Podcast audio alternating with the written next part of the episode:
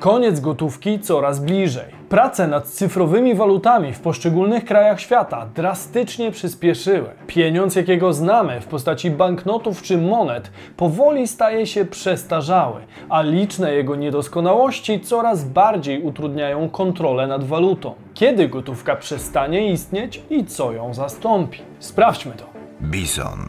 Włączeni do świata biznesu i finansów. Cześć, tutaj Damian Olszewski i witam Was serdecznie w programie Praktycznie o Pieniądzach i kolejnym odcinku analitycznej serii Bizon. Dzisiaj przyjrzymy się temu, jak za jakiś czas może wyglądać świat bez papierowych pieniędzy. Zapewnienia wielu rządów pokazują, że jest to coraz bardziej realny scenariusz przyszłości krajowych i osobistych finansów. Co miałoby zastąpić znany nam pieniądz? Waluty cyfrowe emitowane przez poszczególne kraje. 11 stycznia 2022 roku Parlament Europejski opublikował dokument mówiący o perspektywach dla wprowadzenia cyfrowego euro. Jest to skutek trwających od 14 lipca 2021 prac badawczych prowadzonych przez Europejski Bank Centralny. W dokumencie możemy m.in. przeczytać, że wprowadzenie cyfrowego euro pozwoli wzmocnić pozycję euro jako światowej kotwicy monetarnej oraz że testy zakończą się już w 2023 roku. Jako termin wprowadzenia cyfrowego euro podaje się rok 2025, jednakże autorzy pozostawiają sobie pole do manewru w tej kwestii. Mówimy więc o stosunkowo niedalekiej przyszłości. Ale czym w zasadzie są cyfrowe waluty banku centralnego? Czym jest CBDC? CBDC, czyli cyfrowe waluty banków centralnych, to nic innego jak fiducjarne pieniądze przeniesione z systemu rezerwy cząstkowej i formy papierowej do wirtualnej rzeczywistości. Jednym z najbardziej popularnych nieprawdziwych twierdzeń jest to, że CBDC powstały w odpowiedzi na kryptowaluty, konkretnie na bitcoina, i będą stabilną odpowiedzią państw i banków centralnych na rozrastający się rynek kryptowalut. Jest to daleko idące niezrozumienie tematu, ponieważ ponieważ Bitcoin różni się fundamentalnie od CBDC.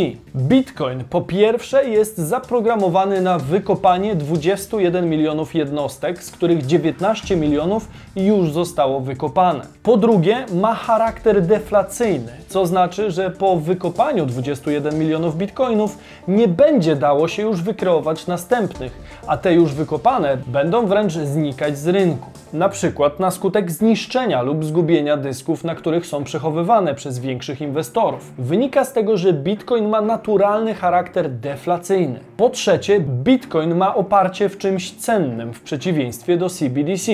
Jego kopanie wymaga ogromnej ilości energii elektrycznej, która w postindustrialnym świecie jest wartością samą w sobie i na niej opiera się cała idea Bitcoina. CBDC nie mają z tym nic wspólnego. Jest to zwykła waluta fiducjarna oparta na zaufaniu społeczeństwa. Wystarczy wcisnąć klawisz w systemie, nawet bez konieczności uruchamiania słynnej drukarki. Łatwo można się domyślić, że CBDC ma naturę nawet bardziej inflacyjną niż waluta papierowa, ze względu na łatwiejszą możliwość kreowania podaży pieniądza. Po czwarte, Bitcoin jest z natury zdecentralizowany, natomiast CBDC jest w 100% scentralizowane i zależne od banku centralnego, będącego jedynym emitentem, a zatem i od rządu i polityków. Zależność ta jest jeszcze większa niż w przypadku waluty papierowej, ponieważ system finansowy oparty na CBDC czyni zbytecznymi banki komercyjne, o czym opowiem jeszcze za moment. Z powyższych powodów nie można stawiać znaku równości między CBDC a Bitcoinem. Co najwyżej można je przyrównać do mniej stabilnych i silnie scentralizowanych projektów kryptowalutowych. Chociażby takich jak na przykład Luna, która była kreowana przez charyzmatycznego przywódcę bez oparcia w czymś mającym wartość. Jak to się skończyło? Wszyscy wiemy. Swoją drogą może chcielibyście zobaczyć odcinek o upadku Luny i stratach inwestorów rzędu miliardów dolarów. Dajcie znać w komentarzu. Zatem najprościej rzecz ujmując, CBDC to fiducjarna waluta banku centralnego przeniesiona do rzeczywistości wirtualnej. Wraz z wprowadzeniem jej na szerszą skalę możemy doczekać się likwidacji banknotów i monet, a być może i tradycyjnej bankowości komercyjnej. No właśnie, pytanie, jakie zagrożenia może nieść CBDC? Po pierwsze, jeszcze większa inflacja. Dowolne kreowanie pieniądza bez konieczności emisji nawet ograniczonej ilości banknotów może być naturalną trampoliną dla zjawiska inflacji. Wystarczy, że politycy będą chcieli zrealizować swoje obietnice wyborcze pieniędzmi, których nie mają. Przypadku waluty cyfrowej wystarczy, że dopiszą cyferki do kont obywateli w banku centralnym. Po drugie, centralizacja systemu finansowego. Dotychczasowy pieniądz papierowy, mimo iż również ułomny i w zdecydowanej większości istniejący w formie cyferek w komputerach, to nadal zakłada kreację pieniądza nie tylko przez bank centralny, ale również daje taką możliwość bankom komercyjnym. To do nich trafiamy po kredyt, a bank komercyjny kreuje dla nas pieniądze za pomocą rezerwy cząstkowej. Opowiadałem o tym zjawisku w jednym z poprzednich odcinków. W obecnej sytuacji rynkowej, jeżeli nie dostaniemy kredytu w jednym banku, zawsze możemy pójść do kolejnego. Tak samo z lokatami i rachunkami. Możemy mieć ich pełno w różnych bankach, w zależności od tego, gdzie będzie dla nas najkorzystniejsza oferta. Możemy też trzymać pieniądze w przysłowiowej skarpecie czy też pod materacem. Póki pieniądz występuje w formie fizycznej, jest to możliwe do wykonania. CBDC zmieni sytuację nie do poznania odpadnie możliwość trzymania gotówki w domu, ponieważ jej nie będzie. Dodatkowo CBDC umożliwi stworzenie każdemu obywatelowi elektronicznego rachunku bezpośrednio w banku centralnym, będącym jedynym emitentem cyfrowej waluty. W oczywisty sposób czyni to banki komercyjne bezużytecznymi, ponieważ CBDC daje nam możliwość wzięcia kredytu czy leasingu bez pośrednika, bezpośrednio w banku centralnym. Wycięcie pośrednika ma oczywiście swoje plusy, ale skupmy się najpierw na zagrożeniach. Do plusów jeszcze wrócimy. Co jeżeli z jakiegoś powodu nie dostaniemy kredytu w banku centralnym? Do tego wystarczyłoby zapewne być działaczem opozycyjnym lub po prostu niepokornym obywatelem. W takiej sytuacji nie jesteśmy w stanie pójść do konkurencji, bo ona zwyczajnie nie istnieje. Jednocześnie nasze konto w banku centralnym i wszystkie oszczędności tam posiadane można zamrozić jednym kliknięciem. Przy ewentualnym braku fizycznej postaci pieniędzy oznaczałoby to, że zostaniemy odcięci od systemu finansowego i społeczeństwa. Przykładów takiej historii możemy doszukiwać się już teraz przy obecnym systemie finansowym. Kojarzycie wydarzenia w czasie protestów trackerów w Kanadzie? Protestujący, którzy nie gromadzili gotówki, zostali pozbawieni przez rząd dostępu do wszystkich pieniędzy posiadanych w bankach. Jeżeli rząd jest w stanie podjąć tego typu środki obecnie, kiedy mamy jeszcze dostęp do gotówki, to co dopiero w sytuacji, gdy waluta będzie jedynie w formie cyfrowej, w pełni kontrolowanej przez rząd. Nie kupimy sobie wtedy jedzenia, nie zapłacimy za wodę, światło, ogrzewanie czy telefon i internet. Zostaniemy wykluczeni z nowoczesnego społeczeństwa za pomocą paru kliknięć w klawiaturę. Taki scenariusz byłby wtedy możliwy. Po trzecie, zagrożenie wolności osobistej i prywatności. Wymienione wcześniej zagrożenia związane z systemem bankowym i dostępem do pieniądza to nie wszystko, co spędza sens powiek przeciwników CBDC. Brak gotówki oznacza, że każda płatność wykonywana jest elektronicznie więc nie ukryjemy się z tym, co kupujemy, ile, za ile, a nawet tego, gdzie aktualnie jesteśmy i od kogo dostajemy przelewy. Urzędnicy państwowi uzyskują tym samym nieskrępowane możliwości inwigilacji każdego aspektu naszego życia. W zasadzie będą mogli dowiedzieć się o nas niemal wszystkiego, śledząc każdy ruch wydanej przez nas waluty. Niektórzy powiedzą, że uczciwe osoby nie mają się czego obawiać. Jednak warto przypomnieć, że w takim przypadku nielegalne nie musi być koniecznie to, co jest obiektywnie niemoralne, tylko choćby to, co nie podoba się politykom. Dla przykładu, w epoce wielkiego kryzysu nowy prezydent USA Franklin Delano Roosevelt, znany później jako wielki obrońca wolności i demokracji walczący z nazizmem, zabronił uczciwym obywatelom USA posiadania jakiegokolwiek złota inwestycyjnego i uczynił jego posiadanie przestępstwem, dając termin, do którego obywatele mieli oddać swoje sztaby do banku federalnego w zamian za bezwartościowe w tamtych czasach papierki. Wtedy Wtedy problemem rządzących było to, że ciężko było wyegzekwować od obywateli oddanie wszystkiego, co posiadają państwu. Jeśli ktoś niespecjalnie chwalił się zakupem złota za gotówkę, to zwyczajnie nie dało się udowodnić, że je w ogóle posiada. W przypadku CBDC państwo uzyskuje informacje kiedy, gdzie i ile kupiliśmy. Mówimy zarówno o codziennych zakupach, jak i o ruchach inwestycyjnych, jakie podjęliśmy, takich jak zakup kruszców czy gra na giełdzie. Oczywiście wszystkie te dane już teraz możemy sobie sprawdzić na wyciągach w naszej bankowości internetowej. Jednak z racji tego, że trzymamy pieniądze w bankach komercyjnych, państwo nie ma do tych informacji nieograniczonego dostępu, co w sumie ostatnio zmieniło się z momentem wejścia w życie Polskiego Ładu, który zmienił zasady tego, kogo rachunki bankowe można inwigilować z tak zwanych osób podejrzanych na osoby fizyczne, czyli de facto każdego z nas. Oczywiście inwigilacja na tak masową skalę wcale nie musi się wydarzyć.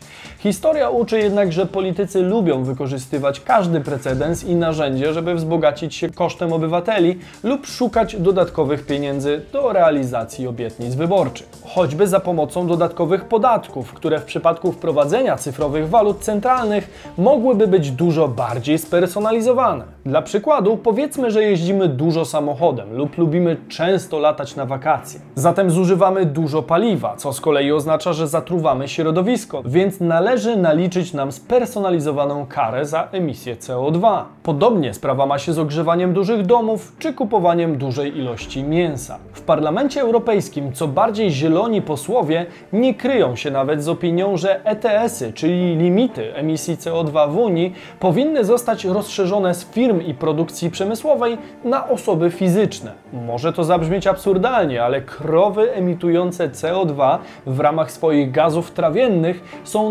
najgorszym koszmarem, na przykład Franza Timmermansa, który w ramach dokumentu Fit for 55 postuluje o ograniczenie hodowli zwierząt nawet o połowę do 2030 roku. Rzecz jasna brzmi to jak teoria spiskowa, ale bezwarunkowy dochód podstawowy jeszcze dwa lata temu też był tylko teorią spiskową, a teraz testowany jest w wielu krajach. Może być testowany również w Polsce. Nagrałem o tym zresztą obszerny odcinek, który możecie zobaczyć tutaj. Zresztą istnienie samych planów wprowadzenia CBDC jeszcze 2-3 lata temu było przez urzędników i rządowe media kwitowane jako histeria i opowieści foliarzy. Obecnie natomiast wydawane są oficjalne dokumenty z terminami wprowadzenia tego rozwiązania. Czwartym zagrożeniem w przypadku rozwoju CBDC są pieniądze za posłuszeństwo. Może to dotyczyć wszystkich kwestii, od kredytów i leasingów po uzależnienie wypłaty, np. bezwarunkowego dochodu podstawowego, od konieczności wykazywania pożądanych zachowań. Znowu, nie twierdzę, że tak się wydarzy, ale CBDC otworzy do tego możliwości. Piątym zagrożeniem jest pieniądz z terminem ważności. CBDC, testowany aktualnie w dwóch miastach w Chinach,